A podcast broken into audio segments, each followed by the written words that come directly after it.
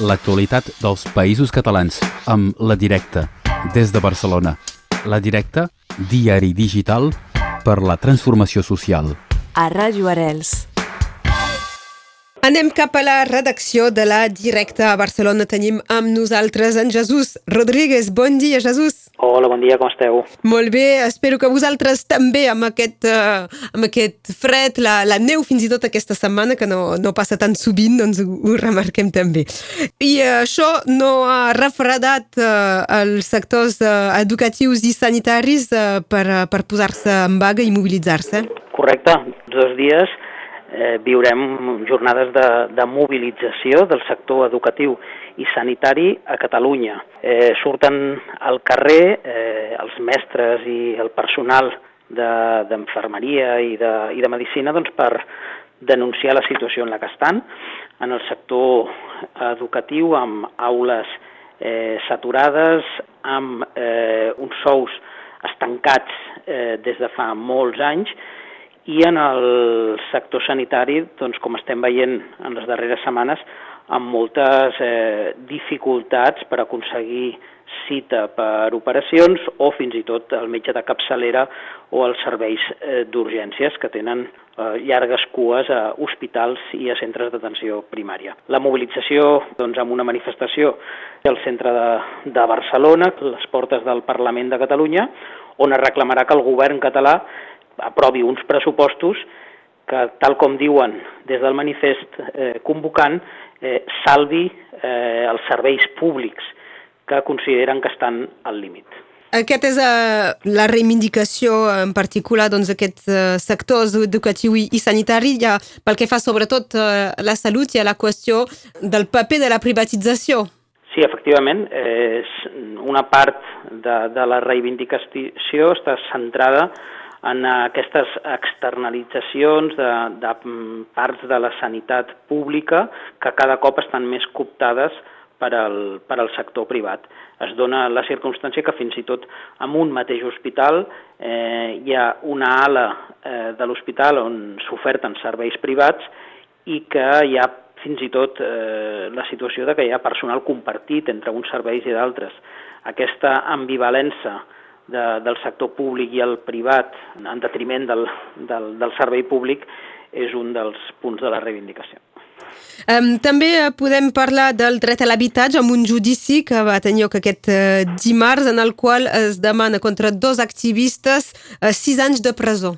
Sí, són dos activistes del, del barri de Sants, el que es coneix com el cas de, del carrer Ulzinelles, els fets eh, es van produir el 22 de febrer de l'any 2020 en el marc d'una mobilització en el dia del Carnestoltes en què va finalitzar amb l'ocupació d'un immoble abandonat per destinar-lo a, a famílies vulnerables que s'havien quedat sense habitatge. I aquella mobilització va finalitzar amb, amb una intervenció molt contundent dels Mossos d'Esquadra que sense cap ordre judicial ni cap eh, autorització doncs, van eh, procedir d'ofici a la identificació i, el, i a la imputació penal de, de diverses persones, dues de les quals finalment el seu cas ha arribat a judici i la petició eh, contra elles és de sis anys de presó. Eh, poca broma, vull dir que estem parlant d'unes peticions molt elevades que es van jutjar a la seu de l'Audiència de Barcelona i que estan enmarcades en un context d'una forta eh, repressió contra el moviment per l'habitatge.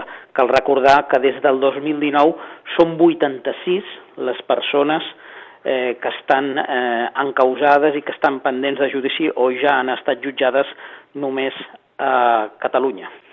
Recordem que si la gent eh, vol saber més, tenir més detalls, eh, hi ha l'article a través de, de la web eh, directe.cat. Acabarem avui esmentant també les mobilitzacions que hi va haver contra la cimera entre Sánchez i, Macron la setmana passada. Sí, unes mobilitzacions que van ser prou massives. Cal recordar que que la convocatòria era a, eh, a les 9 del matí al centre de, de Barcelona, en horari laboral, en horari escolar, i per tant amb fred. que hi assistissin Amb molt de fred, correcte. I per tant eh, es van aplegar a, al centre de Barcelona, des d'aquell lloc era, hi ha més de 20.000 persones, pràcticament 25.000 segons el nostre recompte, eh, una xifra que la Guàrdia Urbana va reduir a 6.500 eh, i tota aquesta gentada eh, va dedicar un, una sonora xiulada a la comitiva de Pedro Sánchez i d'Emmanuel Macron just quan van arribar al Museu Nacional d'Art de Catalunya, que és situat al capdamunt del, de la muntanya de, de Montjuïc. Aquesta cimera era considerada per les entitats convocants, Òmnium, l'Assemblea Nacional Catalana i el Consell de la República, eh, era considerada com un insult al procés eh, d'independència de Catalunya perquè Sánchez des de Brussel·les va fer unes declaracions en les que eh, afirmava que el procés s'havia acabat. Des del carrer els manifestants van voler enviar el missatge de que no s'ha acabat cap procés i després d'aquesta sonora xiulada van circular per, pel centre de Barcelona en manifestació fins a davant del consulat eh, francès a la Ronda Universitat, on hi va haver una contundent càrrega policial dels Mossos amb diverses persones eh, ferides i finalment al centre de la ciutat, davant del Museu Picasso, on tant Sánchez com Macron van assistir a la inauguració d'una exposició, doncs també hi va haver topades amb els manifestants i la policia va impedir que es poguessin apropar fins al mateix carrer on se celebrava aquesta, aquesta inauguració de l'exposició. Una visita força cultural eh? entre el MNAC i, i el Museu Picasso. Um, en tot cas, uh, això és el que podíem dir avui uh, des, de, des de la directa amb en Jesús Rodríguez. Us recordem que hi ha moltes altres temàtiques que podeu retrobar a través de la web directe.cat. Gràcies, Jesús. Gràcies a vosaltres. Que vagi bé. Adéu, bon dia. Bon dia. L'actualitat dels països catalans amb la directa des de Barcelona. La directa, diari digital per la transformació social. A Ràdio Arels.